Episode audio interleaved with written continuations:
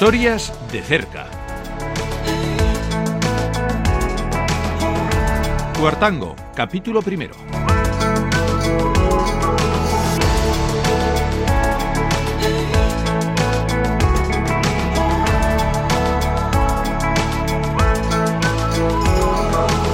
Entre las sierras de Badalla, Cárcamo, Santiago y Guibijo y atravesado de norte a sur por el río Vallas y por su afluente Vadillo, se encuentra el Valle de Cuartango. Recorremos así las localidades de Anda, Andagoya, Catadiano, Aprícano, Echavarri Cuartango, Tortura, Jócano, Luna, Archúa, Arriano, Guillarte, Guibillo Arrate, Marinda, Iñurrieta, Santa Eulalia, Urbina de Basabe, Villamanca, Sendadiano, Uribarri Cuartango, Urbina Esa y Suachu Cuartango. Solo este último tiene más de 150 habitantes y continúa ganando vecinos en los últimos años. Aumenta también la población en Anda, pero el resto de localidades ha reducido sus empadronamientos incluso a la mitad en los últimos 20 años. Es el caso de Santa Eulalia, Catadiano, Luna o Tortura. Bene Aguayo vive en Santa Eulalia desde hace 60 años, cuando se casó con un vecino del pueblo. Es una de las pocas que vive allí durante todo el año. Son 12 los vecinos empadronados. Cruzamos el puente y llegamos a su casa. ¿Qué es lo que más ha cambiado en el pueblo desde hace 60 años? Hombre, pues antes tenía más vidilla porque teníamos bar aquí, tenían. Y oye, tenía otra, otra alegría, otra cosa. A todo te acostumbras. ¿Y cuántas casas había habitadas en el pueblo cuando usted vino? Pues labradores cinco. Labradores cinco, sí. ¿Y ahora cuántos hay? Labradores dos. A medias, porque trabajan en empresa y llevan aquí la tierra. Ajá. Y usted ahora, por ejemplo, está en su casa. ¿Con cuánta gente puede llegar a hablar al, al cabo del día? Pues estos días y así con casi nadie o nadie. ¿Y no echan Con falta? El hijo, el hijo, bueno, ya tengo también la tele, pues, me entretengo y ¿Y en qué se entretiene una persona que vive prácticamente todo el día sola? ¿Qué bueno, hace? a comer bien el hijo todos los días. Y luego pues, pues está por aquí haci- haciendo cosas y bueno, y duerme también muchos días. ¿Hace mucho frío aquí en invierno? Pero si no hace inviernos, ya no hace inviernos. Como antes hacía. Antes había unas nevadas que pagué y ahora no. Pero cuando usted vino aquí hace 60 años, sí, ¿eh? Alguna nevada sí. Pero chicos en casa, viendo cómo nieva. Déjeme cotillear un poco. Usted eh, es de Valdegovía, por lo tanto, conoció a su marido que era de aquí. ¿Me puede decir dónde lo conoció? Pues en otro pueblo, ¿En las fiestas del pueblo? de este pueblo no. Ni del mío tampoco. Pero eran en fiestas de un pueblo. Entiendo que era el momento en el que se encontraban, porque claro, aquí tan poquita gente, ¿no? Se formaban buenas fiestas. Sí, Y, y ahí es donde uno podía conocer al del vecino de al lado, al pueblo de al lado. también, claro. ¿Y cómo iban al pueblo de al lado? ¿Andando? En bici iban. Daba lo mismo la cuesta. De fondo, el silencio. Y es que Cuartango es un valle tranquilo. No hay más de cuatro habitantes por cada kilómetro cuadrado. Cualquiera de ellos podría ser un llanero solitario, como en las películas del oeste. Quizás por eso en Cuartango se rodó Algo más que morir, una de vaqueros. Marchó hace siete años en busca de su hermano, una promesa, dejando todo atrás, abandonó su tierra. Escuchamos la banda sonora de la película Algo más que morir, rodada íntegramente en Cuartango y con los propios vecinos del valle, es decir, el oeste sí, pero el oeste de Álava. Guión y dirección José Luis Murga y Oyer Martínez de Santos, ambos vecinos de Zuazo. José Luis soñaba con la película desde que era niño y contagió su entusiasmo a Oyer. La película se estrenó en 2014 y resultó premiada en el Festival de Western de Almería. El bueno, el malo, el salón, peleas, duelos, no falta de nada. Tampoco faltó durante los seis años de rodaje, por ejemplo, una ciclogénesis explosiva que se llevó volando el banco del pueblo y otros avatares como que la niña en ese tiempo creció y ya no era tan niña, o que el primer protagonista se cayó del caballo y ya no quiso seguir en el papel. Hoy yo soy la forastera en el pueblo. No llevo pistola, pero sí un micrófono. Menos mal que voy a la casa del sheriff. Oyer Martínez de Santos, codirector de la película Algo más que morir. Pues creo que mejor me siento en el sofá, saca las palomitas que vamos a ver una de vaqueros. Así es, sí, una película rodada en Cuartango. Bueno, una de vaqueros, no, tu película de vaqueros, junto con José Luis Murga os metisteis en un lío estupendo, ¿eh? Sí, sí, nos metimos de lleno, un poco por desconocimiento y por, por ilusión, ¿no? De, de querer hacer cine, ¿no? El José Luis tenía muchas ganas de hacer una película de vaqueros desde pequeñito y él no tenía los conocimientos de cine. Yo justo había estudiado en la, la Escuela de Cine de Bilbao y me propuso la idea y así arrancamos. Así fuimos poco a poco, empezamos pensando en hacer un cortometraje y al final se nos fue un poco de las manos y acabó en un largometraje. largometraje. Oye, lo de elegir Cuartango... Tampoco la quisimos ambientar en el, en el oeste americano propiamente dicho, como en el desierto, en las zonas ¿no? de Arizona, o, sino un poco, no sé, en una zona que, que es más verde o, y entonces nos venía, o sea, nos venía el pelo, ¿no? Porque en Estados Unidos al final es muy grande y ahí ha habido zonas de, de ambientadas del oeste que han estado en todo tipo de zonas, en zonas frías, en zonas calientes, desérticas. Pero bueno, Cuartango era, no había otra opción, para nosotros era lo más importante hacerlo Oye, en Cuartango. perdona, empieza la película con un señor ahorcado en un árbol, entiendo que de la zona. Sí, sí, aquí todos los que salen en la película son, son de la zona, casi todos. Eh, hubo algunos que amigos que, que nos echaron una mano después, que se incorporaron al proyecto más tarde, que, que no son de Cuartango, pero bueno, que, pero la, la gran mayoría han sido de Cuartango y, y como ves, pues bueno. Más de 100 en los créditos, más de 300 vecinos echando una mano. No son profesionales, pero la cara del que dispara y el que está a punto de morir ahorcado, realismo tienen, ¿eh? Sí, sí, bueno, es- esto se consigue a base de repetir y repetir tomas, ¿no? Porque cuando no tienen ni idea de rodar, porque no son actores profesionales, pues era... Por eso alargamos, se alargó mucho, digamos, en el tiempo el, el rodaje, porque cada escena nos costaba una eternidad rodarla, ¿no? Eh, claro, al no ser... Al no ser profesionales, pues bueno, se confunden, no se saben el guion, hay muchas, muchas cosas que tienes en contra. Pero bueno, a base de repetir conseguimos que quedara muy realista. Todos son amateurs, pero esta película ganó, triunfó en el Festival de Western de Almería, que es un poco el centro, la meca de las películas eh, del oeste en el estado. Eso es un triunfo, un sello de calidad que le da la película.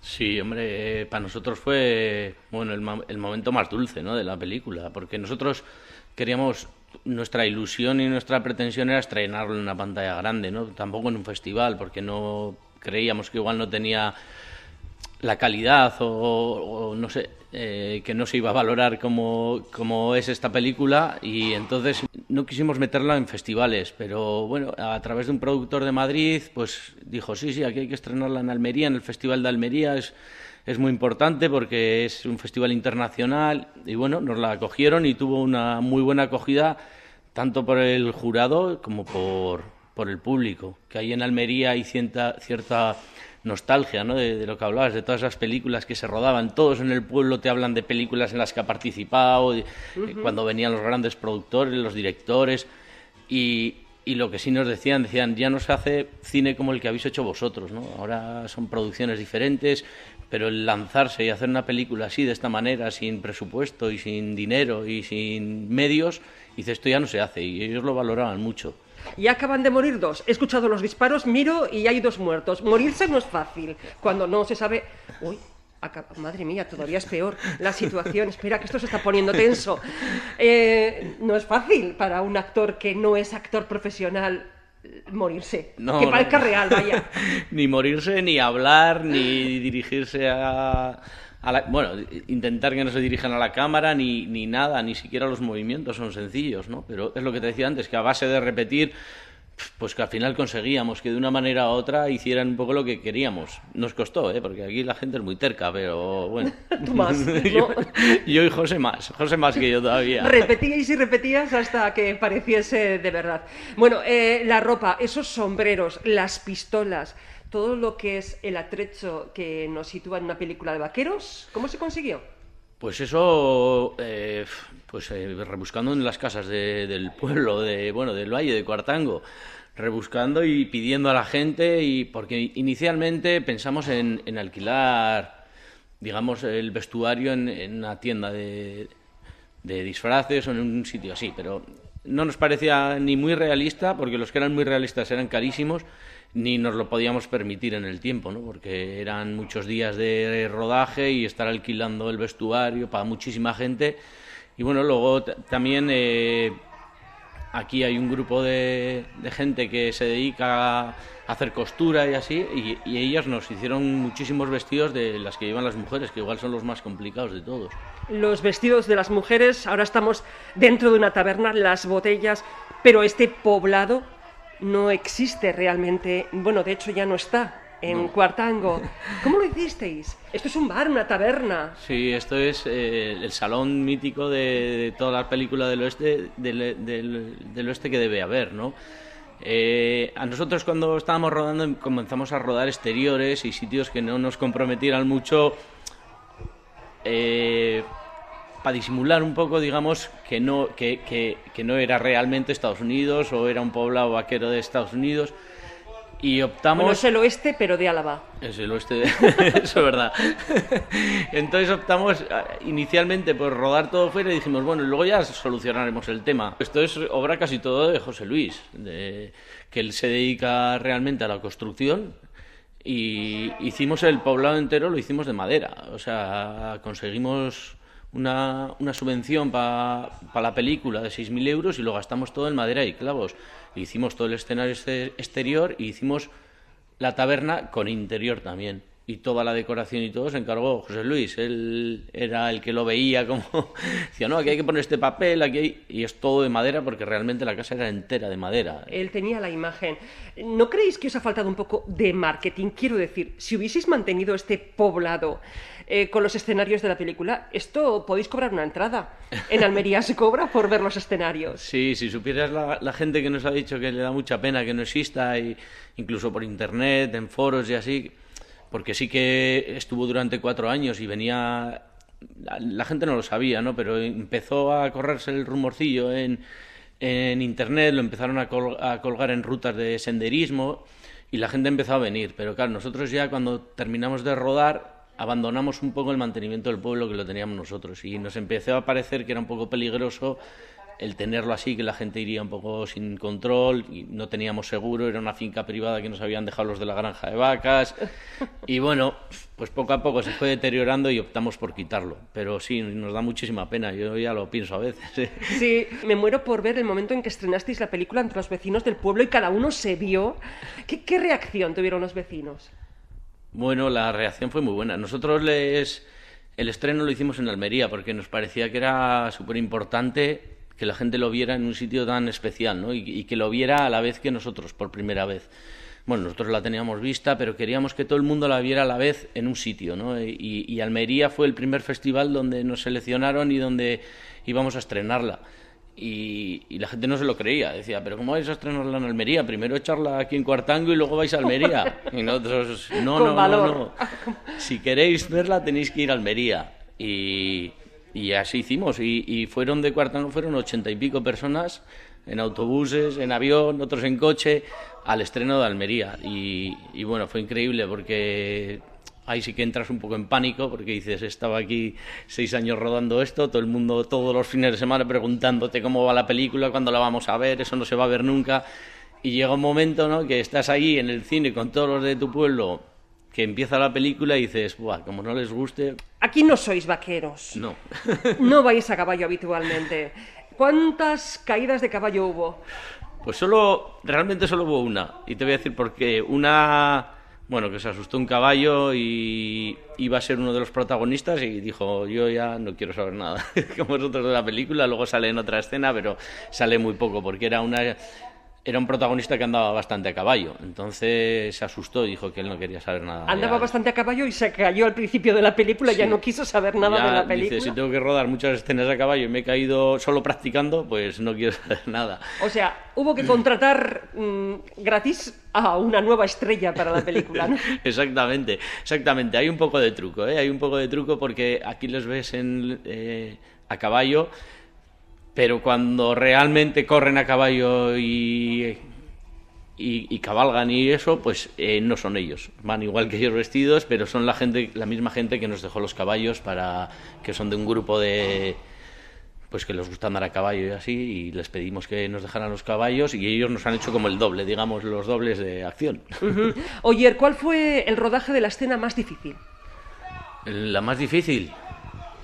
Pues no sé, igual el, final, el, digamos como el duelo final, ¿no? Eh, fue muy largo, fue muy largo, con bastante gente y teniendo muchas cosas en cuenta, que, eh, no sé, fue el más complicado para nosotros y encima sin tener medios, pues eso, sobre todo porque nos costó mucho rodar, teníamos que elegir bien los días para que no habría saltos de récord, de, de luz ni de nada, y bueno, yo creo que esa, las demás las llevamos bien. Algunas tuvimos que repetir, siempre hay el típico que lleva el reloj puesto y no se ha dado cuenta nadie, ¿no? y luego cuando lo estás revisando en casa te das cuenta de que lleva un casio puesto. hay que pues repetir. hay que repetir la escena. Pero bueno, en teoría se nos hicieron bastante sencillas de rodar casi todas. Bueno, dentro de lo que cabe, ¿eh? que, para grabar un minuto estábamos dos horas.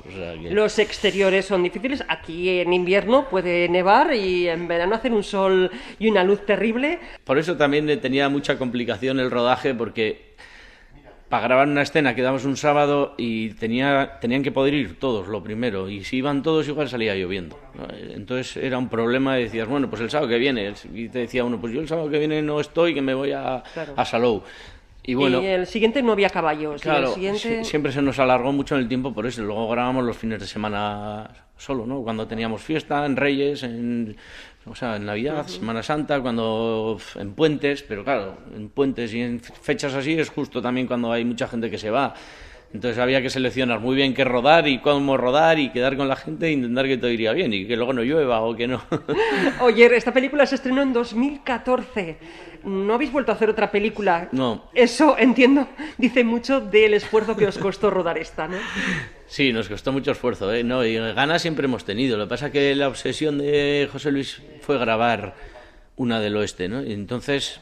Eh no sé, nos volcamos mucho en eso y ahora, pues a veces hablamos, hay que hacer otra película, pero no, no tenemos muy claro de qué, porque esto no sabe, o sea, a él le apasionaba mucho y yo luego me volqué mucho, porque el género western era algo que no me arrastró con la emoción, sí, sí, sí, Y yo me tragué 5.000 películas del oeste antes de empezar a hacer esta, ¿no? Porque porque y entonces me, o sea, a mí me gustaban mucho los spaghetti western muy típicos, pero pero bueno, no era muy fan de las películas del oeste y con esta me, ha gustado muchísimo y, me volca muchísimo en el, género western. Y de hecho, si haría otra, me gustaría hacer del mismo género.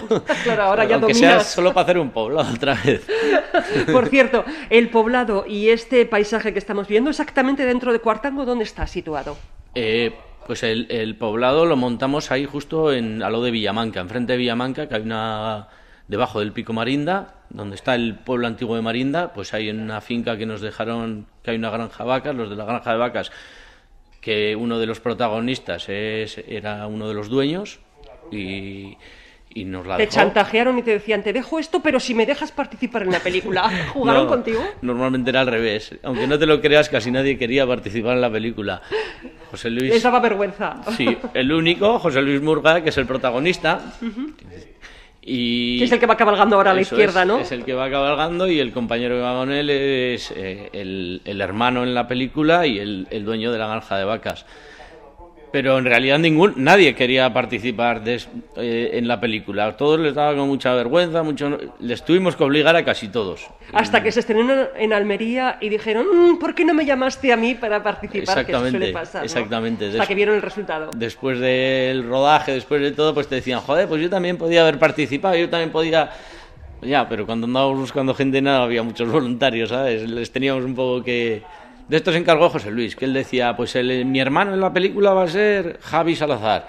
Eh, el malo va a ser Kepa. Él, él ponía cara ya a gente del Valle y, y los actores. Le que iban a pega, ser- que le pega y va a ser de... En ese Sí. momento Y- no puede ver que... Aquí buen sofá, buena película. Vamos a ver la peli. Sí. Le dices a tu patrón que a Carson no se le hace esperar y que le quiere ver sin falta. Uf, ni me muevo del sofá. Acabo de ver la película rodada en Cuartango y me pongo a leer un libro. Sí, también escrito en Cuartango y con el valle como escenario. Cuartango tiene película, ya hemos hablado de ella, y tiene libros, porque la escritora María Santorum ha escrito ya dos libros centrados en el valle. Iba por el tercero. El primero, Leyendas y Banderas. El segundo está a punto de publicarse y ya trabaja en el tercero. Así que vamos a llamar a la puerta. María. Hola, ¿qué tal? ¿Qué tal estás? Bueno, todo un artista en este valle. Bueno, artista no sé, intentando, intentando Sí. establecerme en este mundo difícil, sí. Sí, en este mundo, en un pueblo con menos de 300 habitantes. Tú eres profesora de inglés. Soy profesora de inglés, Eres sí, de traductora. profesión. También, también. Eres escritora. También. No me digas sí, que esto eres es- un artista. Bueno, intentando, sí, intentando. Me gusta, me gusta mucho el mundo literario y entonces he decidido, ya en la edad más mediana, que, que hay que lanzarse a la piscina. Y que hay que aprovecharlo. Oye, qué casa más bonita tienes. Gracias, No me extraña, ¿tú eres un amante del Valle de Cuartango? Sí, sí, sí, es una de mis grandes pasiones desde No me pequeña. extraña de todas maneras, chico. Sí. Esto es la parte bucólica de un pueblo. La parte bucólica de un pueblo, claro, los paisajes, el verde, tener un terrenito. Sí, la verdad es que jo, para mí el mundo rural siempre es mucho más, sí, mucho Mm. más. A mí me llena mucho más. Aquí las gallinas por el suelo, perdón. Las gallinas.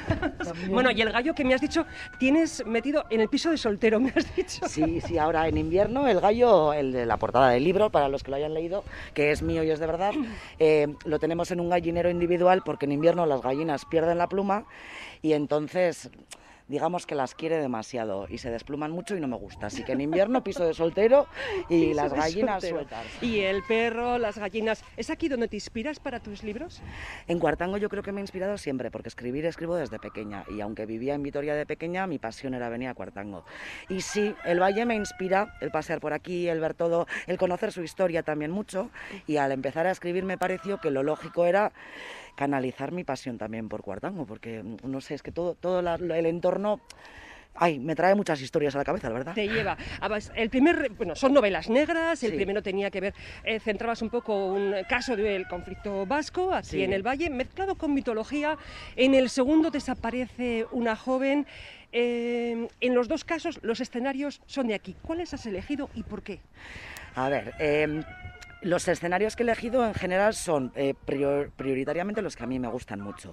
En el primer libro, La Mieche eh, es un caserío que no existe y Uzanza es un pueblo que tampoco existe, pero están en el entorno de Marinda. A mí la zona detrás de Marinda, que es bastante desconocida, el bosque de Yarto, la zona de Guibijo, es donde me encantaría, si algún día me dijera alguien, yo te doy un terreno, allí me planto mi casa. Entonces, prioritariamente eso, eh, las, la cueva, Sola Cueva, esos sitios los he elegido porque a mí me gustan mucho, porque son característicos y porque muchos tienen mucha historia. Dólmenes también aparecen. Me parecían sitios de Cuartango interesantes, para que la gente pueda conocerlos también. Y la mitología que has eh, mezclado ahí en el libro, ¿eh? La mitología, la mitología me parece una cosa muy bonita. El tema del conflicto vasco es difícil y es eh, conocido eh, de manera que los medios de comunicación no nos lo han podido explicar. Pero mucha gente de fuera, de aquí del País Vasco, solo asocia cosas negativas. A veces yo he vivido en Inglaterra 10 años y el decir eres vasca, ¿qué se sabe? Pues se saben ciertos temas. Y dije, bueno, pues también quiero meter cosas bonitas, que a mí me parecen muy románticas. Y eh, me dijo un señor de aquí del valle, ¿y qué de cosas te has inventado? Digo, hombre, claro, pues obviamente Basajaun no vive en el valle, son leyendas, pero me pareció una manera súper bonita de contrarrestar la seriedad de la historia principal, sí. Eh, sin duda alguna. Eh, por cierto, has dicho que has vivido 10 años en Inglaterra, Sí. de Inglaterra al Valle de Cuartango, y tú dijiste, bueno, yo sé inglés, conozco el Sí. idioma, puedo hacerlo desde mi casa, y eres profesora de inglés y eres eh, traductora. Traductora también, sí. Este, eh, allí trabajé en banca y cuando volví aquí pensé que entrar en banca me- eh, no me gustaba, no era, digamos, tampoco mi pasión. Eh, y el inglés me apasiona también como escribir y pensé que era una buena idea. Así que empecé un poco con el plan de hacer en la zona rural, que es donde empecé. Luego ya estuve colaborando con Cámara de Comercio y estuve mucho en Vitoria, en empresas también. Y ahora desde que me he cascado la rodilla rodilla, vuelta al mundo rural, estoy sobre todo con gente de soy bachiller y súper contenta. Muy- me dan mucha vida los jóvenes, oye, y también me, me proporcionan mi inspiración, sí. Te activan además la mente Sí, sí, sí. entre el idioma, la traducción. Oye, el segundo libro, eh, su base sigue siendo lugares de Cuartango. Eh, son inmigrantes que, vayan, que vienen al Valle de Cuartango. Hay muchos. Aquí en Cuartango hay mucha inmigración, pero como en todos los sitios, yo el eh, porcentaje no te sabría decir. Eh, pero sí, en general suelen decir todos que somos gente acogedora, como en el resto de Álava y el resto de los vascos. Pero es inevitable, yo también he sido migrante. Y en los últimos años se sabe más de las migraciones y lo duras que son, y pensé que podía ser así. Me parece interesante que Cuartango no somos solo nosotros, somos muchas culturas. Entonces, la siguiente historia, eso es la trama principal, desaparece una joven, y eh, la historia nos la van a contar entre cinco personajes, cada uno de ellos de un continente. Todos viven en Cuartango, pero cómo se vive desde las diferentes partes. Y en quién desconfiamos, qué ha pasado con la joven, qué ha sucedido, y me parecía un matiz interesante. Para, y en las culturas hay que conocerlas. Somos todos, todos formamos Álava, todos formamos Cuartango, y me parecía interesante darles también un, un protagonismo. Ujú. En este entorno, mira, entre el perro, las gallinas, Sí, sí. eh, un cuento infantil pega aquí, ¿eh? Pues cuento infantil, fíjate qué curioso, ya me han comentado. Y, y mis hijas, que tengo dos, eh, mis hijas ya me han dicho que les gustaría intentar entre las tres hacer algún tipo de libro infantil. Lo que pasa que ilustradores no somos, claro. Yo tengo un ilustrador de la novela, pero tiene otro estilo. Quizás en un futuro, porque a Nerea la mayor sí le hace ilusión el concepto. Ya veremos. Ujú. Aún así, es- en la cabeza ronda ese cuento infantil, pero lo que sí ya ronda, pero con base, Sí. es el tercer libro. Es el tercero, sí. He empezado, he empezado hace poco porque estuve confinada por contacto con positivo y dije, bueno, estamos corrigiendo el segundo y hay que seguir avanzando con la maquetación, pero tenía ya otra historia en la cabeza y, y- y sí, allá voy, allá voy. Esta vez vamos a intentar un asesinato en serie en Álava. Va a seguir saliendo Cuartango, pero me voy a posicionar más también en todo el resto de la provincia para darle más dimensión. Vale, en el segundo y tercer libro, ¿qué ubicaciones has elegido? En el segundo, aparte del pueblo de Uzanza como tal, eh, el, el que es muy mayoritario es Escolumbe. La ermita de Escolumbe, que muchísima gente la conoce, tiene muchos, muchos siglos de historia, eh, historia rica además, y luego tenemos una romería. Eh, luego también hemos vuelto a hablar de de Badalla, hemos vuelto a hablar de Guibijo, de y luego como tienen que buscar a la joven por Cuartango, pues siguen saliendo las zonas donde se ha buscado también, eh, que pueden ser Andagoya, el pueblo de Andagoya también sale, o sea, salen pueblos distintos y zonas distintas, que en Leyendas y Banderas. María, tú tienes la imaginación suficiente para escribir, tienes la pluma suficiente para hacerlo y además tienes el conocimiento del valle eh, ideal para un autor, que es que conoce los datos que quiere incluir en su libro. Lo de hacer una guía, porque has nombrado Escolumbe, mucha gente la conoce, ya, pero hay mucha gente que no conoce Sí, Escolumbe. sí, sí. Es un lugar maravilloso y hay esos lugares que tú has dicho detrás de Marinda que mucha gente no conoce. Pero mucha gente del valle. De, de hecho, yo incluso cuando era joven no no los conocía tan bien. Mi, mi chico es muy montañero y se, se conoce todos los rincones del valle. Fue cuando empecé yo con Héctor que empecé a descubrir sitios de Cuartango que yo no- tampoco conocía. Entonces, sí, es verdad que es muy desconocido. La- eh, Cuartango está poco poblado y estamos en un trozo muy pequeño. Hay mucho más trozo de Cuartango de monte que no se conoce y está guay. Ujú. Lo de hacer una guía. Hacer una guía o- de. o preferís de que los lugareños conserven esos lugares ya para hay, el ellos? en el ayuntamiento ya hay, eh, yo creo que hay bastantes eh, folletos. Hay algún libro también que tiene el ayuntamiento a la venta que es un poco de las rutas por Cuartango. Sí que los hay. Yo estoy haciendo semanalmente. Pero las partes desconocidas, las que solo conocéis los vecinos. Sí, sí, sí. Esa que tú has descubierto ¿Cómo de haría- mayor. Claro, ¿cómo haríamos eso? Pues supongo que la gente que viene y nos conoce, pues ya le decimos, pues vete por allá. Yo, eh, eh, yo estoy haciendo en Twitter eh, semanalmente un hilo sobre Cuartango.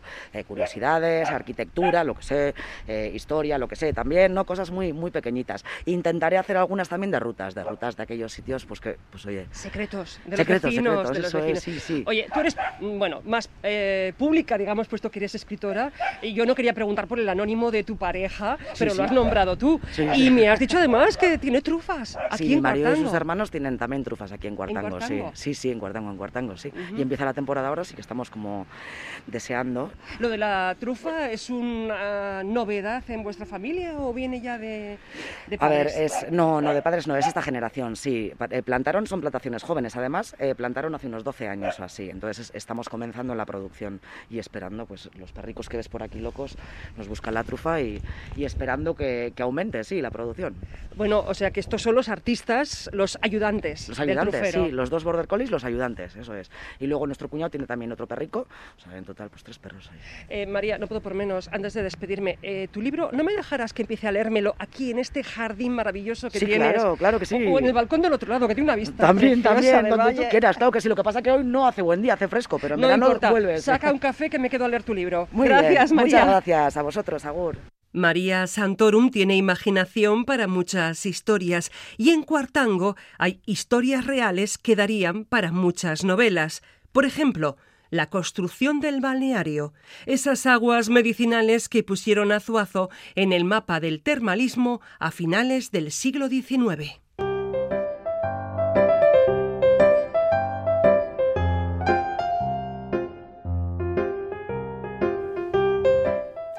Emilio Chillida, vecino de Sendadiano, tenía al parecer un buen olfato para los negocios. La fuente de aguas medicinales de Zuazo era ya famosa por sus curaciones y él supo ver la oportunidad. Planteó a tres salineros de Añana y a un vecino de Zuazo la posibilidad de crear una sociedad para explotar científicamente las aguas. En 1877 los promotores consiguieron la autorización, pero cinco eran demasiados para tomar decisiones. Así que idearon una fórmula para quedarse con el negocio y apartar a Chillida. Error. Emilio Chillida no pensaba abandonar tan fácil la idea de construir un balneario. Conocen bien la historia en la familia Martínez de Santos, y es que uno de los promotores, José, era el abuelo de Félix Martínez de Santos y bisabuelo de Eduardo Martínez de Santos. Con uno hemos quedado en su casa, con el otro junto al balneario.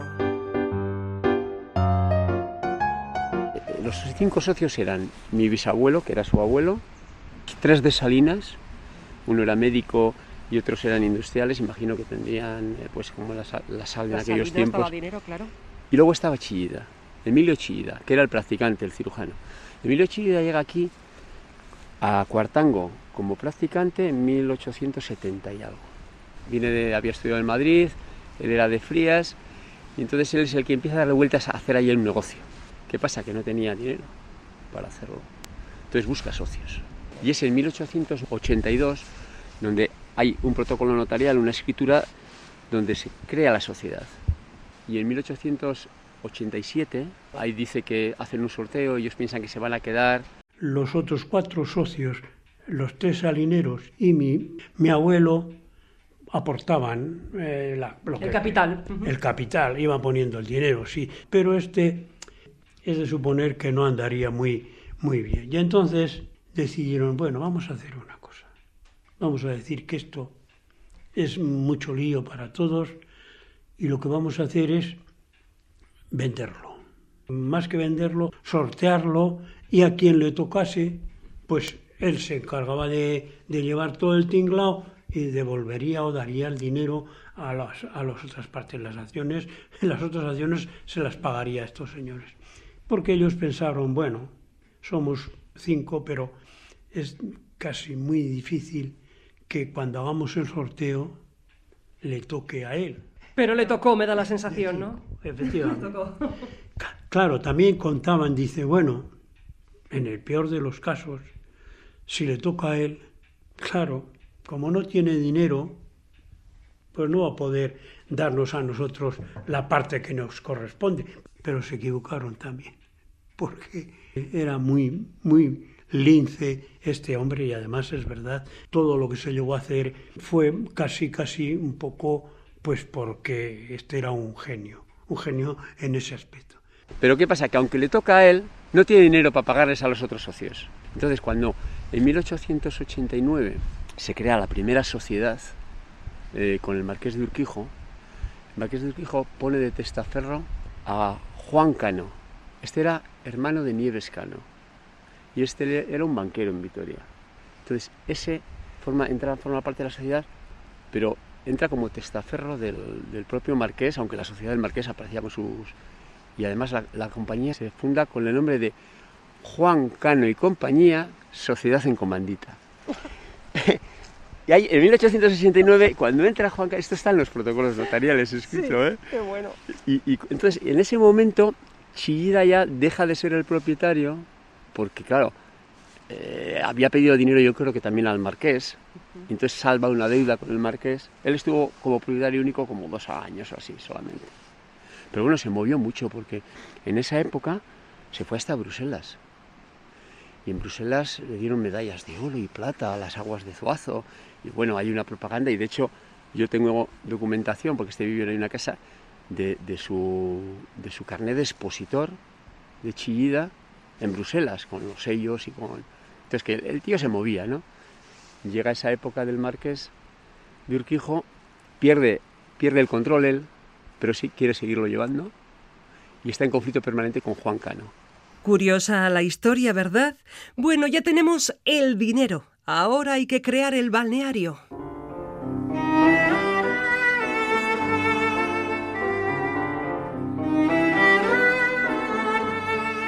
En agosto de 1879, el doctor Codina Langlin, un destacado químico, farmacéutico y político catalán, se desplazó desde Barcelona para hacer un análisis químico de las aguas para que pudieran ser declaradas de utilidad pública. En el informe se decía, el caudal es de 18.160 litros cada 24 horas y es constante durante todo el año. El agua brota de una hendidura en la roca y disuelve gran cantidad de gases, formando innumerables burbujas desde el fondo. Esto unido a la publicidad del balneario que decía clima benigno, de montaña, altura media, resguardado de los vientos, hicieron del balneario de Cuartango un lugar ideal para un tratamiento completo de las afecciones crónicas del aparato respiratorio. Nos acercamos al río Vallas para charlar con Eduardo, ahora como miembro de la Asociación de Amigos del Balneario de Cuartango. Apoyados sobre el puente que unía el balneario con los jardines, al otro lado del río, escuchamos el sonido del agua.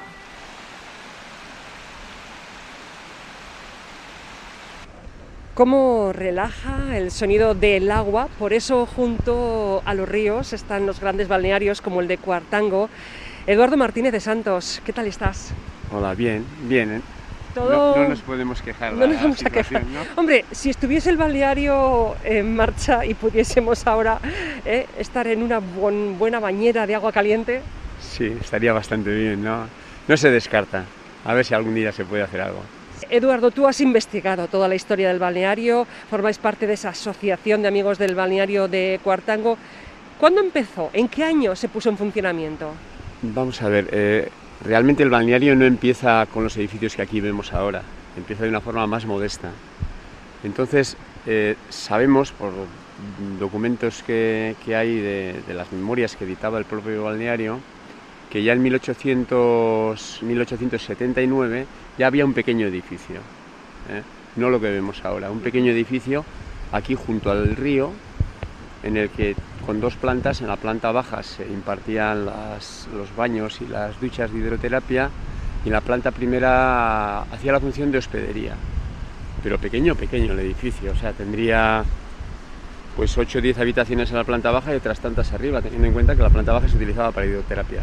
Y luego sí tenía una galería que bajando sobre la orilla del río daba acceso al, a la fuente.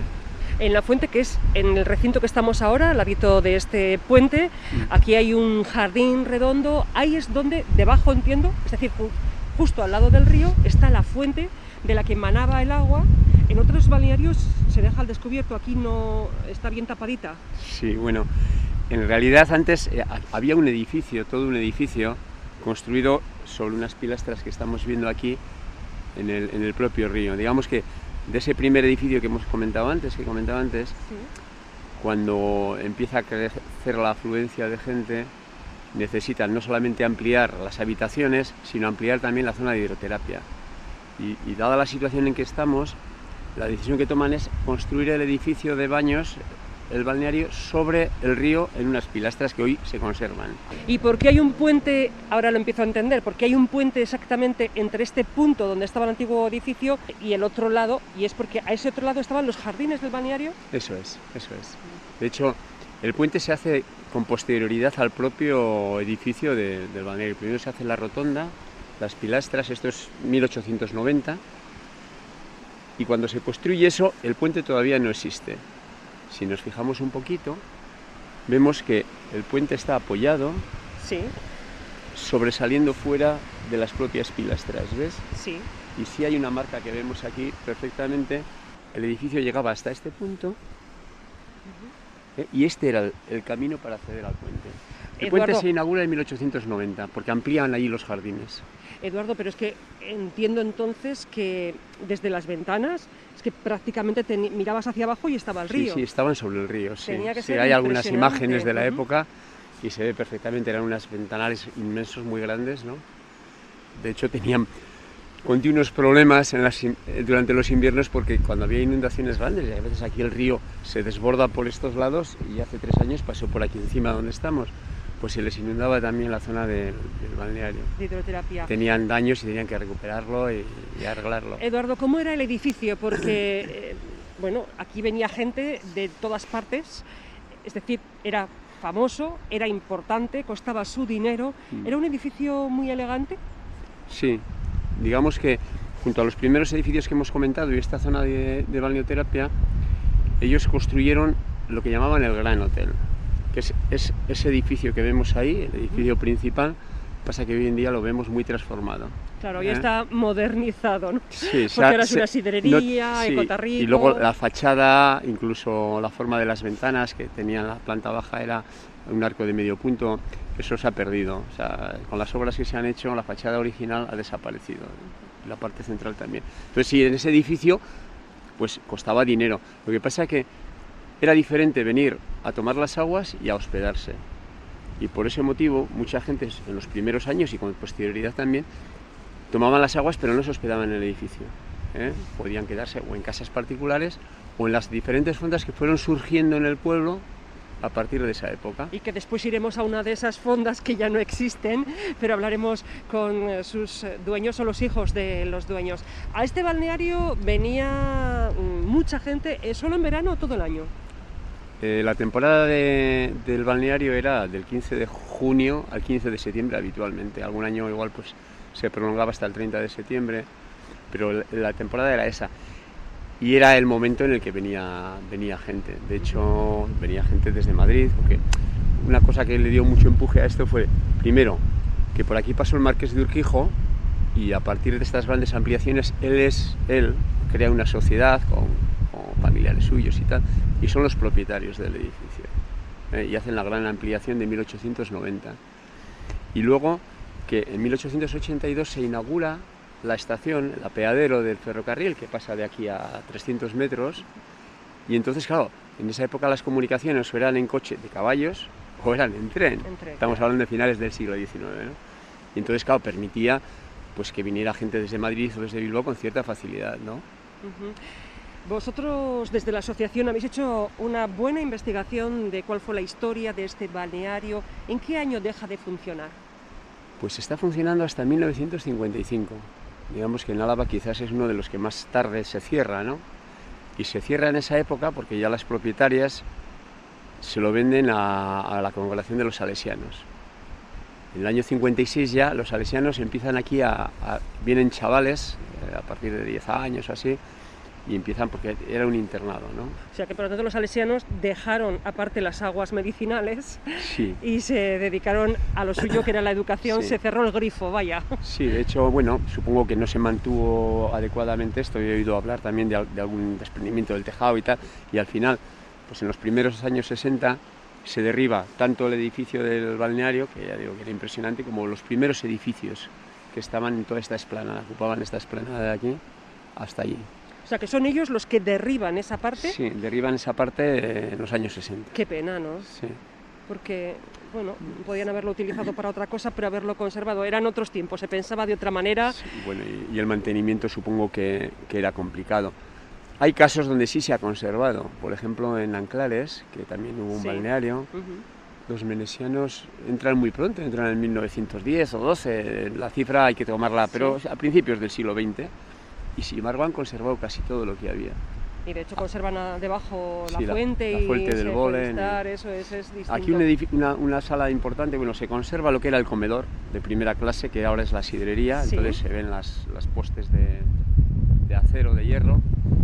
Y luego había en el centro había una sala grande que era el salón de baile.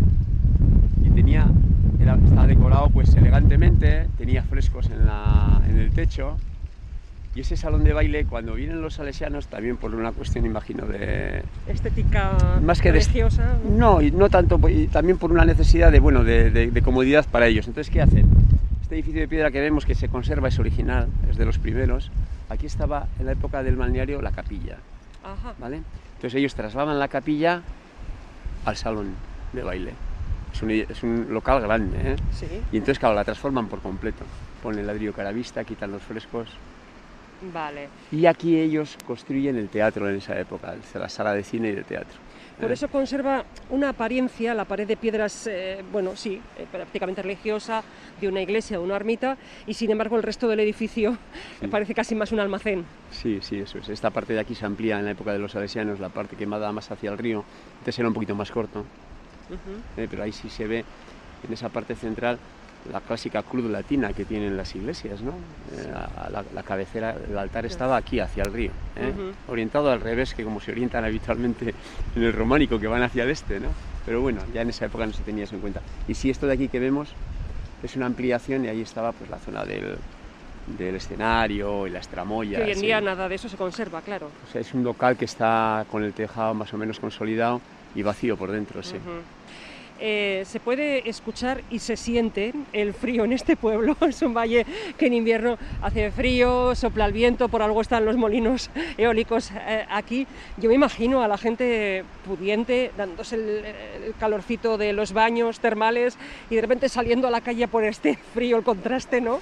Bueno, en verano era más, sería, supongo, digamos que el, el clima lo vendían o lo promocionaban como un clima benigno de verano Sí. donde no hacía excesivo calor. Claro, si pensamos cierto, que venía gente de. Madrid y así, pues el clima en verano es perfecto. Y en invierno, pues aquí se mantenía pues eh, un guarda para vigilar esto y no sé si las dueñas pasaban parte del tiempo aquí, las últimas dueñas, o, o en Madrid, porque creo que vivían en Madrid. Nunca se llegó a embotellar. sí, sí, se embotellaba y se vendía. Ajá. Sí, se embotellaba y se vendía. Y además, ellos distribuían a Madrid y a muchos sitios porque lo enviaban, utilizaban el ferrocarril. Y entonces desde aquí eh, distribuían eh, el agua, pero esa era para bebida, ¿no? Aquí se tomaba de otras maneras. Hoy en Sí. día no se puede, no se puede No, tomar no el es- agua, no ¿no? está accesible y no está, digamos, ahí hay una arqueta y entonces hace ya unos años se abrió. ¿Nadie interesado en embotellar el agua? Ha habido algún intento eh, una empresa de Vitoria, sobre todo para tratamientos de Si en algún tiempo se pagaba tanto esto, por sí, ello, hoy en sí. día sería un recurso. Hay que pensar que han cambiado mucho las cosas. Aquí la gente venía, los que más pudientes seguramente, a pasarlo bien, a disfrutar, pero venía mucha gente con la esperanza de que se solucionaran sus, sus enfermedades y sus, sus eh, afecciones, ¿no? Y tenía, de hecho, los balnearios tenían su director médico y era nombrado y salía en la Gaceta, bueno, en aquellos tiempos lo que era el boletín, ¿no? De- del Estado y tal. Eduardo, me has dado una buena idea. Mira, voy a seguir hablando con personas relacionadas con este balneario, pero tú has dicho, al balneario se venía, bueno, con intención de recuperar eh, la salud y de sanar. Había otros métodos, que eran los religiosos, las ermitas. Eh, déjame que dé una vuelta por el pueblo, enseguida estoy contigo y vamos, eh, me cito contigo, por ejemplo, en la ermita de la Santa Trinidad, ¿de acuerdo? De la Santísima De Trinidad. la Santísima Trinidad. ¿Quedamos allí? Venga, gracias. Venga, vamos. Va, esto era.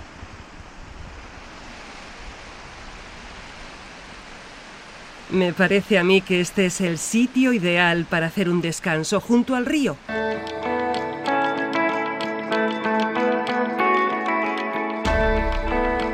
En el próximo capítulo conoceremos a Félix Martínez de Santos, nieto de uno de los promotores del balneario, como hemos escuchado en este capítulo, pero que además es hijo de los dueños de una fonda en Zuazo.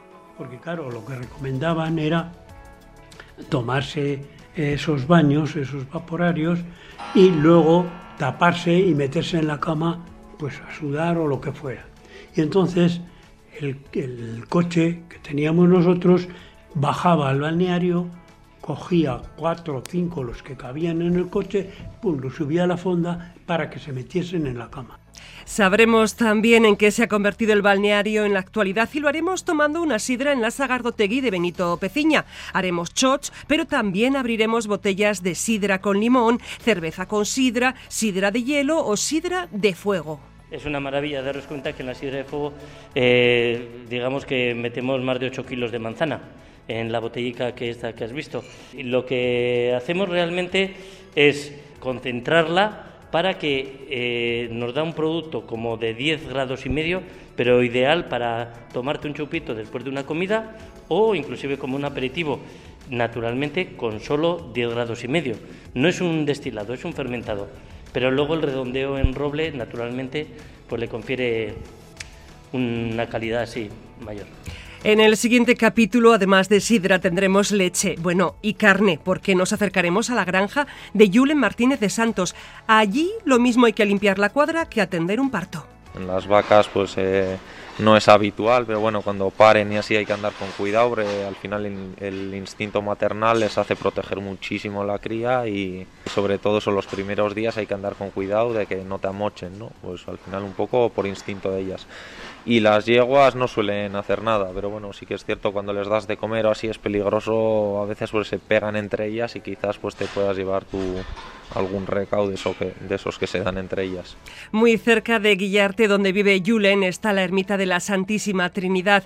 Allí iremos con Eduardo Martínez de Santos. Dice la tradición que si coges una piedra del río con la boca, se te quitan los dolores de muelas. La cueva que hay detrás del altar este, hay una puertecita que estás viendo ahí. Entonces, por ahí pasa un río, ¿no? Eh, ahora en invierno baja continuamente agua. Y entonces parece ser que había que cogerla en algunos casos hasta con la boca, ¿no? Les esperamos en el siguiente capítulo de Historias de cerca, Cuartango.